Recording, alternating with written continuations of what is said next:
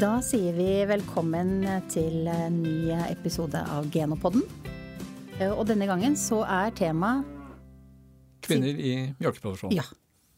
Fordi at vi snakker nå 8. mars, og selvfølgelig eh, kvinnedagen. Um, men både i landbruket generelt og i mjølkeproduksjonen særlig kanskje, så er det fortsatt eh, ganske mannsdominert. Og vi vil snakke litt om både hvorfor det er sånn, og hva som kan få flere kvinner til å bli mjølkebønder. Eller hva det også kan bety for næringa. Mm. Men eh, her har vi jo da med oss eh, Rasmus Langre. og meg, Oda Christensen. Det er ikke vi som sitter med alle svar på sånne spørsmål, Rasmus. For Ja, det- vi skal spørre, ja. vi. ja, vi har med oss noen gjester denne gangen også. Og eh, i dag så har vi med oss Anne Margrethe Solheim Stormo, som er veterinær og driver mjølkegård i Meløy i Nordland, sammen med mannen din. Ja. Og så er hun også, du er nestleder i styret i Geno. Ja. Og ved siden av deg så har vi med oss eh, Ingvild Haugom Amundgard, som er mjølkeprodusent Stemmer. eh, på Dovre. Og driver der eh, Nordre Sætro. Mm. Og så i tillegg så er du fysioterapeut. Ja. Ingvild, du tok over gården i 2016, hjemgården din. Kan du si litt kort bare om hvilke tanker du gjorde deg før du bestemte deg for å ta over? Ja, det eh, Jeg studerte jo eh, til fysioterapeut, som sagt, eh, i Danmark. Og visste vel at jeg hadde lyst hjem til heimbygda, for jeg har støtt trives godt på Dovre. Men samtidig så har jeg òg hatt en veldig fin oppvekst på gard sjøl. Så rett og slett mye av det. Og trives og drive med dyr, da. Være i lag med dyr. Mm. Men det å gi min familie eller mine framtidige unger den opplevelsen jeg har hatt, det var mye av bakgrunnen. Kan du bare si helt kort om åssen drifta er på gården? Ja, det er en eh, mjølkeproduksjon og kjøttproduksjon med, ca. 30 eller 31 mjølkekyr på bås. Så så har en kvote på rundt 270 tonn. Og ja, det Det er vel egentlig det vi gjør, hva jeg tenker å si. Ja, ja. Ja. Mm. Janne Margrethe, kan du òg kort si litt om åssen drifta er oppe på Stormo i Meløy? Ja. Eh, På Stormo gård så har vi, bygde vi ny løsdriftsfjøs i 2010, og så satte vi inn melkerobot i 2017. Vi har ca. 400 tonn med melk og en ok- okse i den gamle fjøsen. Åssen vil du si at du har opplevd eh, å, å komme på gård og bli på en måte bare melkeprodusent? Nå har jo du en del andre jern i ilden nå, som vi har hørt, men, eh, men har du, hvordan har det vært? Nei, det er, jeg syns jo det er en veldig fin hverdag, eh, med, med høy, høyt aktivitetsnivå, som som jeg liker. Men det er jo Det skjer jo noe hele tiden. Mm. Det er aldri, det- det er aldri kjedelig. Nei. Nei. Men eh, også veldig givende og veldig ikke, Kanskje ikke noe overraskelse at jeg liker å holde på med dyr, men jeg syns det, det er noe enda noe liksom spesielt å holde på med sine egne dyr. På godt og ondt, selvfølgelig. Men det å være kvinne i mjølkeproduksjon, har du noen spesielle opplevelser av det? Har det gått greit? eller på? Nei, jeg føler at det kanskje er mer den her eh, typiske gårdskjerringa som har eh, jobb utenom, og som bidrar eh, inn på gården. Og jeg syns jo kanskje gårdskjerring er For meg er det gjerne et, et hedersbegrep, på en måte, når du tenker tilbake på hva alle de som har vært der opp igjennom, og hvor for en jobb de har gjort. Og så hvis jeg kan gjøre litt av den jobben, så er jeg veldig fornøyd. Ja, det har vært en viktig, en viktig stilling som uh, um, ja, både har syntes og ikke syntes. Um, men Ingvild, føler du at du må på en måte jobbe hardere sånn ut ifra uh, og ta litt posisjon på det? Fordi du du er bonde. Eh, vil jo si at du, du er ikke innenfor liksom, gardskjæringbegrepet. Du det, er din, det er din gård. Eh, det er du som er bonden. Må du, må du bevise noe mer, liksom, fordi du er kvinne? Mm, kanskje litt både òg der. Eh, en kommer jo inn Altså, det er jo vanlig kanskje når en tar over en gard, at eh, folk forholder seg litt mer til far i starten. Og, for det er jo han som har drevet gården før meg i eh, 30 år. Så Men samtidig så føler jeg at det har vært en aksept da, i det miljøet på Dovre, uh, som kommer greit inn i det. Bare en blir kjent med folk og uh, ja. Rett og slett at det, det, det, krever jo litt i starten, men så ordner det seg jo mer og mer. Da vet jo folk at det er du som driver gården, mm. og at det er du som har det ansvaret. Så det, mm.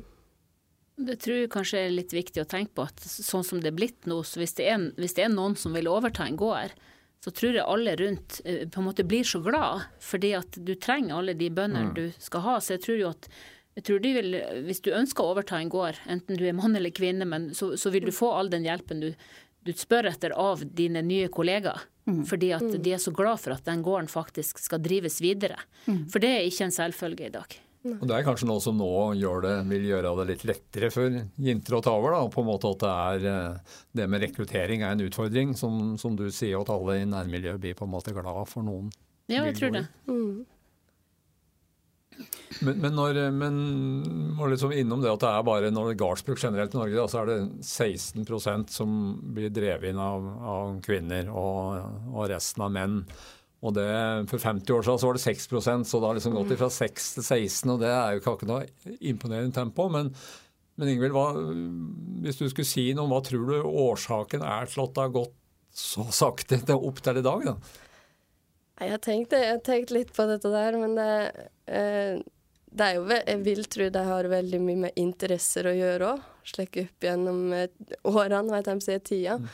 At eh, det er jo dette du skal ha du skal ha interesse for traktor og maskiner, og det er dyr, og det er jo mange aspekt med, med å drive en gård. Mm. Så kanskje ikke nødvendigvis at det eh, ikke er aksept for at kvinner skal drive en gård, men kanskje heller med interesser òg. Det, mm. det, er gutten i familien som er interessert i det. Mm. Men det kan jo òg ligge holdninger der som at det er forventa at det er gutt som skal ta over, for det, slik var det kanskje mer før, i hvert fall. Mm. Vi sendte jo ut et lite spørsmål her også til, um, til en liten Facebook-gruppe som er Nettverket for kvinner i landbruket.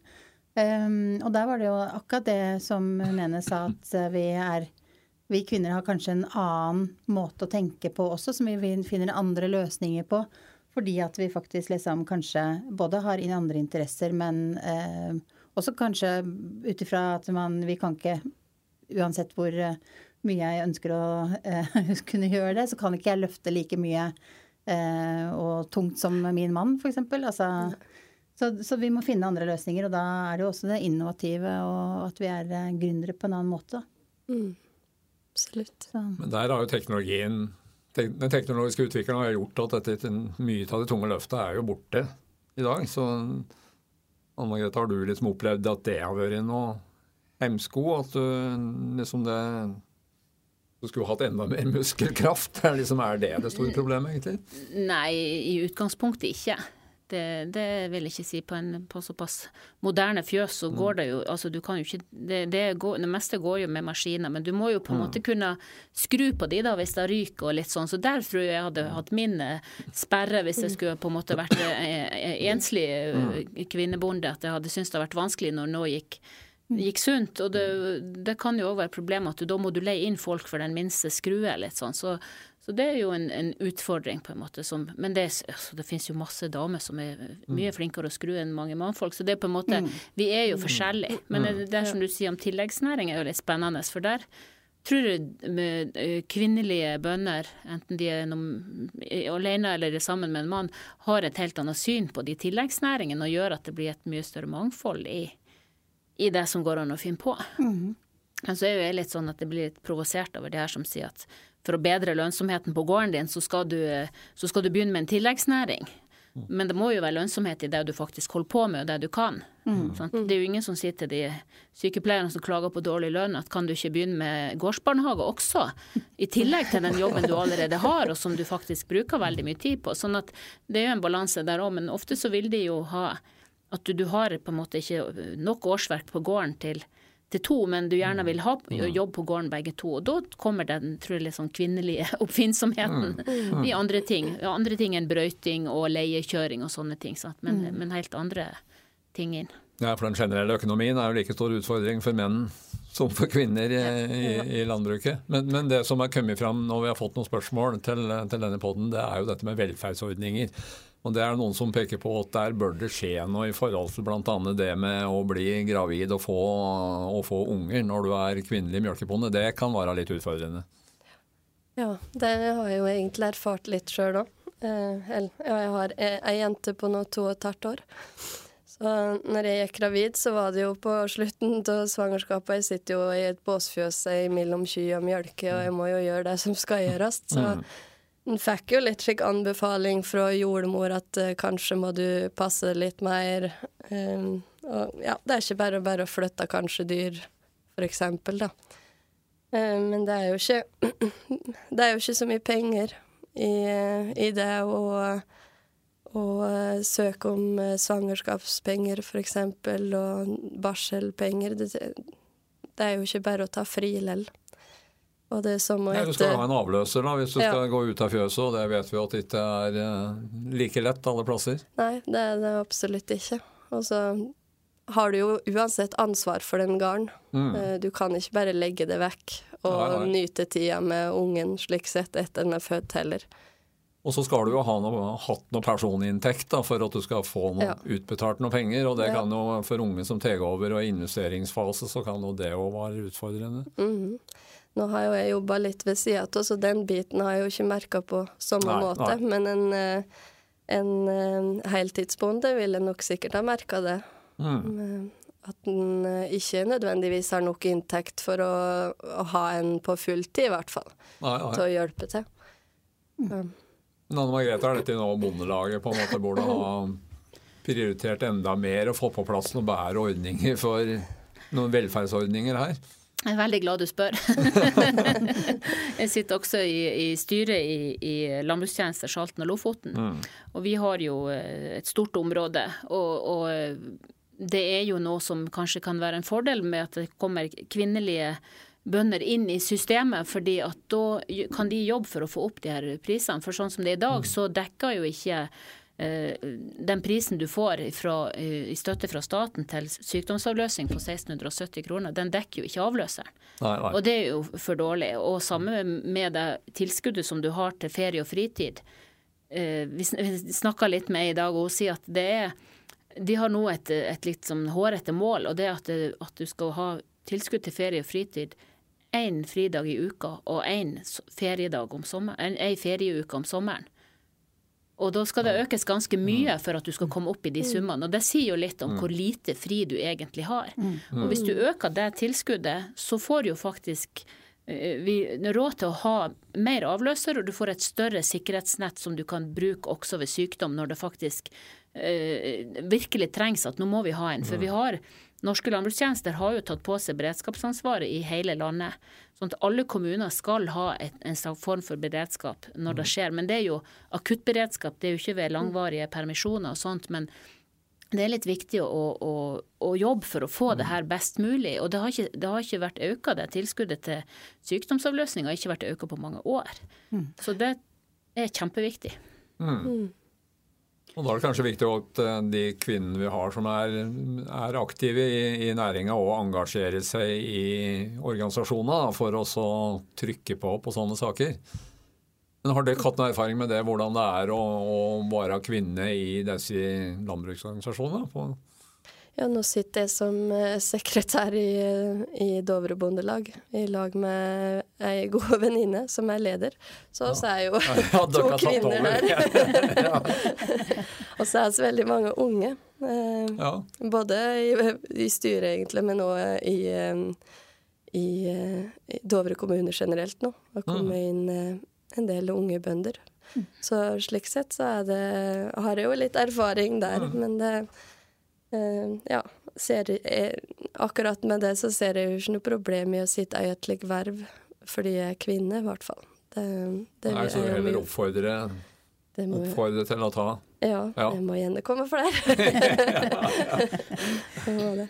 Mm. Ja, nei, for det er jo eh, vi, ser jo kanskje en tendens også at der hvor eh, unge kvinner og eh, også, eh, også, voksne kvinner kommer inn i landbruket, så, så skjer det jo noen ting. Eh, og blant annet så skal vi også eh, nå snakke med to søstre som har tatt over gård på, i Mysen. Silje og Synne. Og de har tatt opp igjen faktisk melkeproduksjonen etter åtte år nede, så det er kjempespennende. Så det har blitt veldig spennende å høre hva de har å fortelle om sine tanker om det å være kvinne i melkeproduksjon.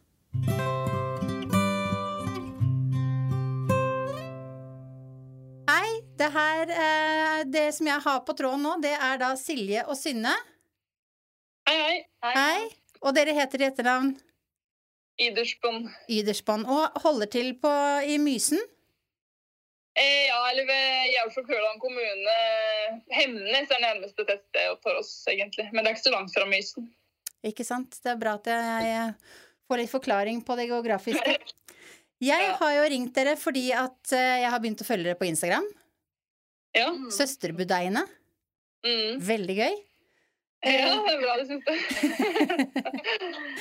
eh, og så får jeg jo mye når jeg da forteller om dere. Nå har jeg jo ikke Jeg har bare eh, snakket litt med dere i forkant og sånt nå, så det er klart at når jeg da forteller om eh, to søstre som da har tatt over familiegården mm. Ikke helt eh, Vi har jo tatt over drifta, men eh, sånn for å gjøre det enkelt akkurat til å begynne med, så har vi ikke sånn formelt tatt over, da. Men, eh, men vi har jo tatt over drifta, så det er vi som har det daglige ansvaret, på en måte, da. Ikke sant? Mm. Var det da deres avgjørelse å starte opp igjen melkeproduksjonen? Eh, ja, det var jo egentlig Det er jo etter vårt ønske det, egentlig. Det har jo egentlig blitt litt eh, Mamma og pappa har jo leid opp melkekvota i åtte år, så og den var egentlig leid ut til en del lenger òg, men eh, plutselig så bøy sjansen seg litt tidligere enn vi hadde håpa og tenkt, eh, egentlig, holdt jeg på å si, allerede nå i sommer. Så vi har egentlig bare hadde egentlig, fikk egentlig vite om det bare et halvt år før vi starta opp, egentlig, at uh, kvota ble ledig igjen. Så da måtte vi snu oss litt rundt og så ta, ta avgjørelsen da. Men vi hadde jo et håp, eller vi har jo alltid liksom hatt håpa på at vi har på en måte hatt det litt i planen, på en måte, da, men at det kanskje kommer egentlig litt tidligere enn vi hadde tenkt. Men uh, vi var jo veldig glad for at den muligheten bød seg enda tidligere enn mm. det så ut på forhånd. Ja, ja så bra. Hva, mm. hva, er at, hva, er det som har gjort at dere på en måte har hatt det som, eh, som en plan? Nei, det er jo at vi elsker livet på gården med dyra, for å si det sånn, og jobben rundt de og hverdagene med de, da. Det høres jo egentlig litt sånn klisjéaktig ut, men det er egentlig det som er virkeligheten for oss òg, på en måte. Så. Vi har jo begge to tatt andre utdannelser først, men vi har jo alltid håpa og hatt et ønske om å kunne gjøre noe ut av gården, da. Mm. Så, um, så, når vi har fått muligheten til det, så er jo det en kjempemulighet. Så vi er veldig takknemlige for at mamma og pappa har eh, støtta oss i. Støtta oss i. Mm. Mm. Hvordan er det å gjøre det her sammen som søstre? Nei, så langt det jo, har det jo egentlig gått veldig fint, det. Vi er jo vi er jo både søstre og venner, på en måte, så vi er jo veldig tette. tette Eva har egentlig vært hele livet. liksom Har jo felles interesser med dyr generelt, og spesielt hest i oppveksten. liksom Har vi jo drevet mye sammen med, liksom. Og egentlig hele familien. Egentlig hele familien har drevet med det sammen. Så, så, vi har jo liksom vært veldig tett på hverandre og trives godt uh, med å samarbeide og jobbe sammen, da. Mm. ja. Er det noen, uh, var det noen tanker dere gjorde dere som, uh, som dere syntes var vanskelig med å, å, altså, å, å bli mjølkeprodusenter? ja, det er jo selvfølgelig det er jo en altoppslukende jobb. Det jo, eller det er jo ikke bare en jobb, det blir jo på en måte en livsstil, liksom. Og man blir jo på mange måter bindet Dyra skal jo ha stell om det er eh, søndag morgen eller om det er julaften eller hva det er. De skal ha stell hele året rundt. Men, så det er jo selvfølgelig noen tanker man gjør seg liksom, med at man er, det er jo, Man blir jo bindet opp av en melkedrift, på en måte, men samtidig så er vi jo for det første vokst opp med melkeproduksjon, og i tillegg så har vi jo alle år hatt etter melkeproduksjon så har vi jo hatt hest, liksom, og de også. Det er jo en, det er en litt mer fleksibel drift med hest, men samtidig så de også skal jo ha stellet sitt hver dag. Eh, de opp mot, så man er jo Selv om på en måte det er litt sånn avveining at så veit man jo liksom hva man går inn i, og er jo ikke minst vant til at vi må, ja, at det er stell hver dag og ansvar uh, uka rundt, liksom, med, med dyra, da. Så mm. det er kanskje mest sånn man tenker på sånn At man liksom er jo en veldig sånn altoppslukende drift med melk, men uh, jeg føler at jeg veit litt hva vi går til fordi man har vokst opp med det. Da, og, ja.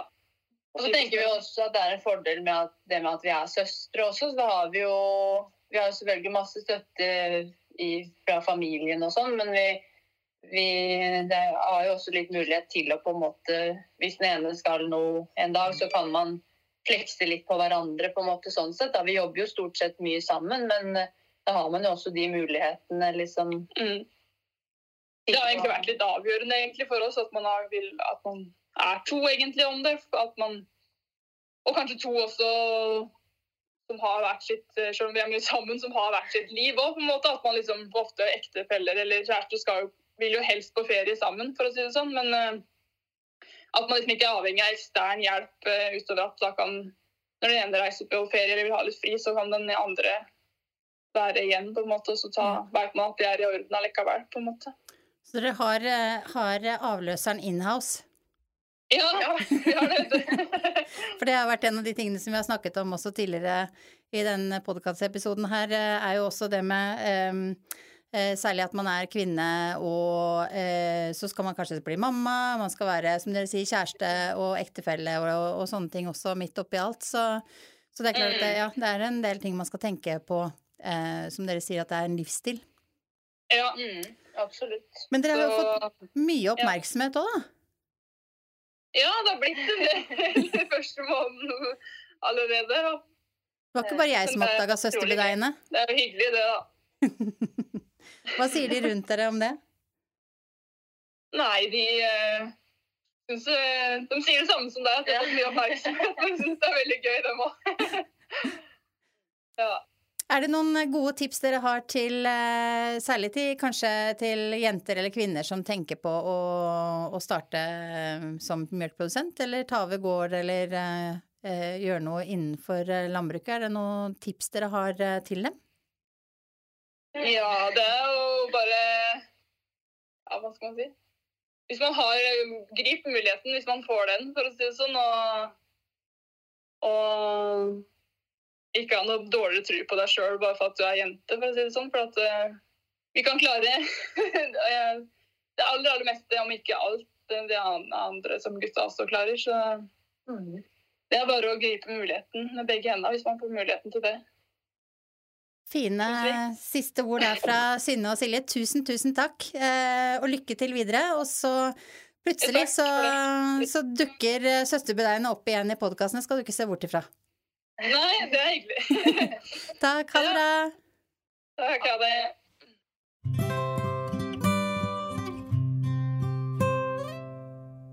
En annen ting som vi kanskje skal innom, det er dette her med om det er, behov for flere, ja, for spesielle arenaer for kvinner. Altså, altså at kvinner kan møtes eh, for seg òg, ikke, ikke, bare For det blir jo litt mannsdominerte forsamlinger i noen sammenhenger. Vi kommer ikke Kommer ikke unnom det. Mm. Og, og nå, Vi må drive litt reklame for det skal jo ha et kvinnekurs på Farris bad ute i november. Det var dagens, det stemmer, ja. dagens reklame. Nei, men altså er det behov for å organisere noe mer møteplasser på en måte for, for uh, jenter og kvinner i landbruket? Ja, altså uh, viktigste syns jeg da egentlig det er å treffe kollegaer generelt. Uh, mm. Både for det å dele erfaringer og og, og, og, det å treffe folk, hva jeg si. Og litt med den der psykiske helsa, og motivere han og hjelpende noen. Mm. Mm. Men det er klart at det, det er veldig positivt å, å, dele tanker med andre kvinner òg, for de, oss er jo forskjellige. Mm. Eh, Sjøl om vi gjør samme jobben. Så det, det, er jo absolutt en fordel å kunne prate mer om eh, det kvinnelige aspektet der. Mm. ja da, og vi har jo mange kvinner på toppen i, i samvirkeorganisasjonene nå. både som, mm. eh, Nå har vi Almdir både, både i Geno og, og Nortura, og vi har styreleder i, i, i Tine. og... Og, og Felleskjøpet. Og Felleskjøp, ja. ja, det, ja. Så, så, så, på toppen har det jo egentlig, egentlig, skjedd mye. Så der er det jo litt å få med litt systemet litt nedover på samme løftet. Mm. Mm. Jeg tenker at det er viktig å ha de her arenaene litt, for vi, vi, er jo forskjellige menn og kvinner, og da er det mm. veldig godt å møte noen som er lik. Ja, ja. Kan jeg føle litt på. Så er du, du veldig heldig som har mange unge rundt deg. Hvis det er mm. områder der det er, er mer tradisjonelt, så er det veldig godt som, mm. som, kvinne å få lov å på en måte møte noen som har de som med da, samme mm. utfordringene med skruing, eller som har de samme utfordringene med, med barn og familieliv og den biten, som mm. kanskje mannfolkene ikke i like stor grad kjenner på kroppen som vi mm. kvinner gjør. Så jeg tror det er viktig både, som du sier, med lokale arenaer for alle, men også noen kvinnearenaer. For som sagt, vi er ikke så mange, så det er veldig greit å se at vi, at vi har mulighet. Og, og jeg tror òg det kan være en veldig fin arena for eh, kommende bønder, kan du si. Sant? Altså Jenter som lurer på skal jeg ta over, og få komme i et sånt eh, miljø der du faktisk ser at det er jo fullt mulig, og det er masse fine rollemodeller. og så det tror jeg at den, Hvis en klarer å få med de her unge bønder, eller de unge nestenbøndene, mm. inn der også, så tror jeg at vi kan øke den 16 mm. Men hva skal han trekke fram for å få disse som er nesten-bønder, men som lurer på om de skal bli bønder, til å satse på en framtid som melkeprodusenter? Hva kan du si, Ingvild kan si noe om du skal markedsføre det å være kvinnelig melkebonde? Nei, eh, prater jo om disse utfordringene med å få unger og slik, men eh, det er jo så mange fordeler med det òg. Eh, mm. Dette å ha med ungene i fjoset, alt de lærer der. Og, og du, hvis du er en heltidsbonde, så har du jo tross alt mulighet til å ha familien rundt deg. Altså mm. du har mulighet til å være i hop med ungene over flere år mm. enn det en annen hadde hatt mulighet til, da. Så det er absolutt fordeler med det. Ja, for det er liksom litt viktig å prate opp, mm. prate opp muligheter, ja. og, og, ikke skremme noen bort. Ja. Så skaper du jo e, din egen arbeidsplass. Du er jo bedriftseier, eh, og skaper jo andres arbeidsplasser eh, via det også, så sånn sett så har man jo litt sånn navet eh, mm. i veldig mye som skjer. Ja, En får en enorm mestringsfølelse hvis en tenker litt mm. over det. Mm. Hva en egentlig bidrar med. En gir jo mat til Norges befolkning. Ja. Og og gir òg, som du sier, arbeidsplasser til veldig mange da, i nærmiljøet. Så det styrker jo nærmiljøet. Mm. Og ja. Det er uh, mye fint å tenke på med mm. det å være bonde. Mm. mm. Men Margrethe, hvis du skulle si noe om liksom, hva kvinner kan bidra med inn i næringa, på en måte? sånn... Uh Altså, det vil, vil mer, flere kvinner inn gjøre at det blir mer mangfold, på en måte, og vil det være noe som på en måte hele næringa vil dra nytte av? Ja, det tror jeg gjelder på lik linje i, i, i landbruksnæringa som gjør i alle andre mm. næringer, at, at mangfold er, er, positivt. Vi tenker litt forskjellig, og vi ser på litt forskjellige ting, og du ser mm. forskjellige ting i, fra helt ned på fjøsgulvet og, og, helt opp til ting, hvordan ting kan gjøres. sånn at det, eh, det tror jeg ikke det er noen som er på en måte uenig i at det er positivt med, mm. med, med det mangfoldige i næringa. Mm. vi som sier, vi har jo verdens eh, viktigste jobb, vi lager mat. Mm, mm. på en måte. Det, det, utru, det, det må vi ha. Mm. Og jeg tror det blir bare viktigere og viktigere. Men jeg er jo optimist, så jeg tror jo at det, på en måte, det må snart snu og få litt løft i næringa. Mm. Så jeg håper jo at det er noen som lurer på om de skal ta over. De skal ikke lure. Mm. Skal mm. Og det er jo uavhengig av om man er kvinne eller, eller mann. Det er jo litt sånn eh, Altså, har vi har, Vi er jo på vei til noe, men det at vi er, blir behandla på lik linje, det er jo det, det er der vi skal. Um, så ja. Mm. Jeg så jo, Det var jo noen som skrev på Facebook her at de trodde det ville bli bedre dyrevelferd med flere kvinnelige bønder. Og den hører ute, bl.a. når det gjelder ja, sånn som altså kalvestell, på en måte, det jo, blir jo ofte sagt liksom at om eh, at, at det går bedre når det er Så jeg vet ikke om det er på en måte en myte og litt så opprettholde kjønnsroller, altså på et vis. altså det er Litt skummelt å si sånne ting, men det er i hvert fall det du får høre når du er ute. og jeg tror du skal la den eh, stå for din regning. Vær forsiktig med hva en sier.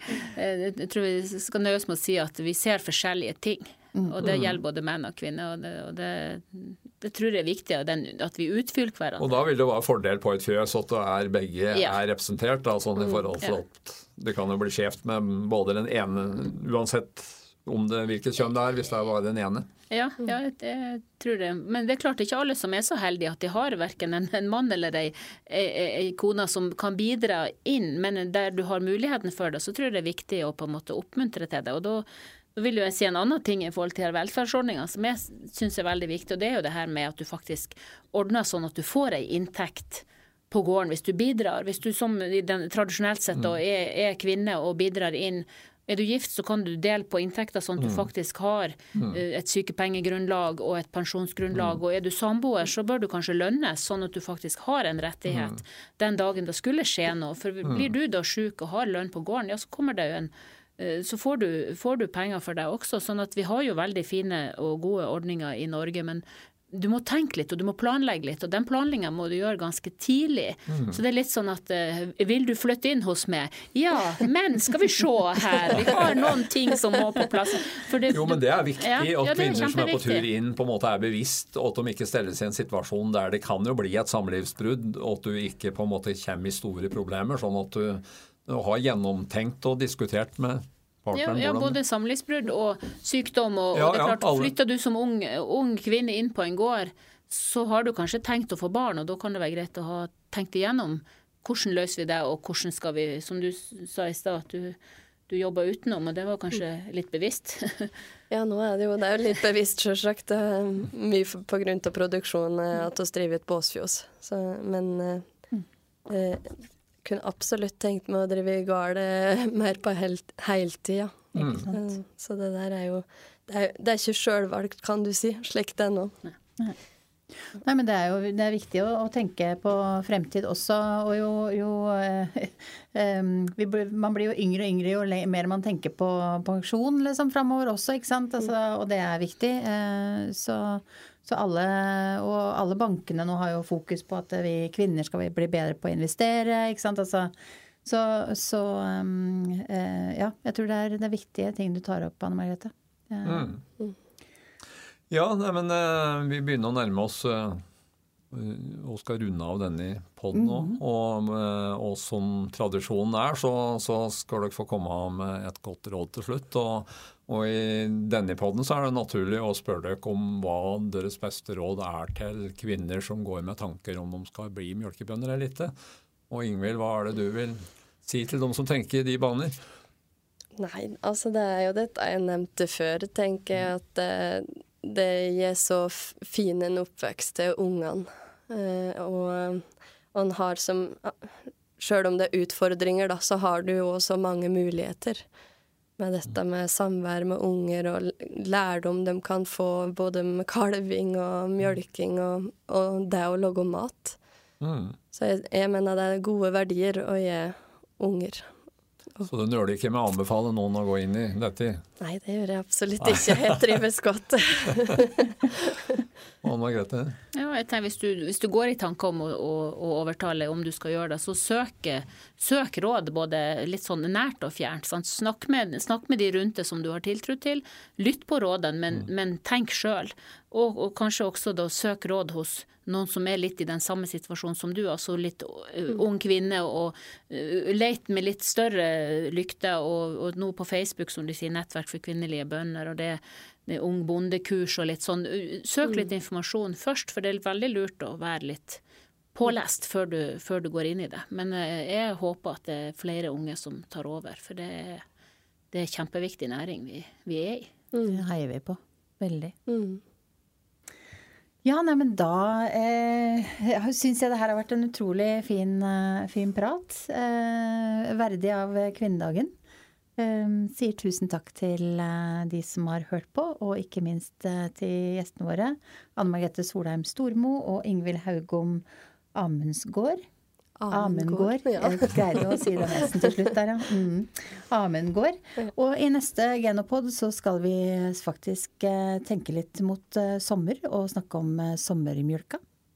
Det skal vi. Og det blir veldig spennende. Um, og da er vi tilbake på det gamle sporet med en pod første onsdag i hver måned. Ja. Nest første onsdagen eh, i april kommer neste pod. Det er bare denne poden vi har utvida litt for oss å treffe på riktig dato. Ja. Eh, du finner eh, selvfølgelig Genopodden på alle de vanlige pod-appene, og du finner den også på eh, geno.no. Og da gjenstår det egentlig bare å si gratulerer med dagen til alle med kvinnedagen. Og så får vi bare håpe at det jamner seg litt ut med, med, kvinnelige og mannlige bønder. Og uansett så trenger vi jo alle unge som har lyst til å begynne i denne næringa. Ja. Så Kjempeviktig. vi kan ikke gå glipp av noen.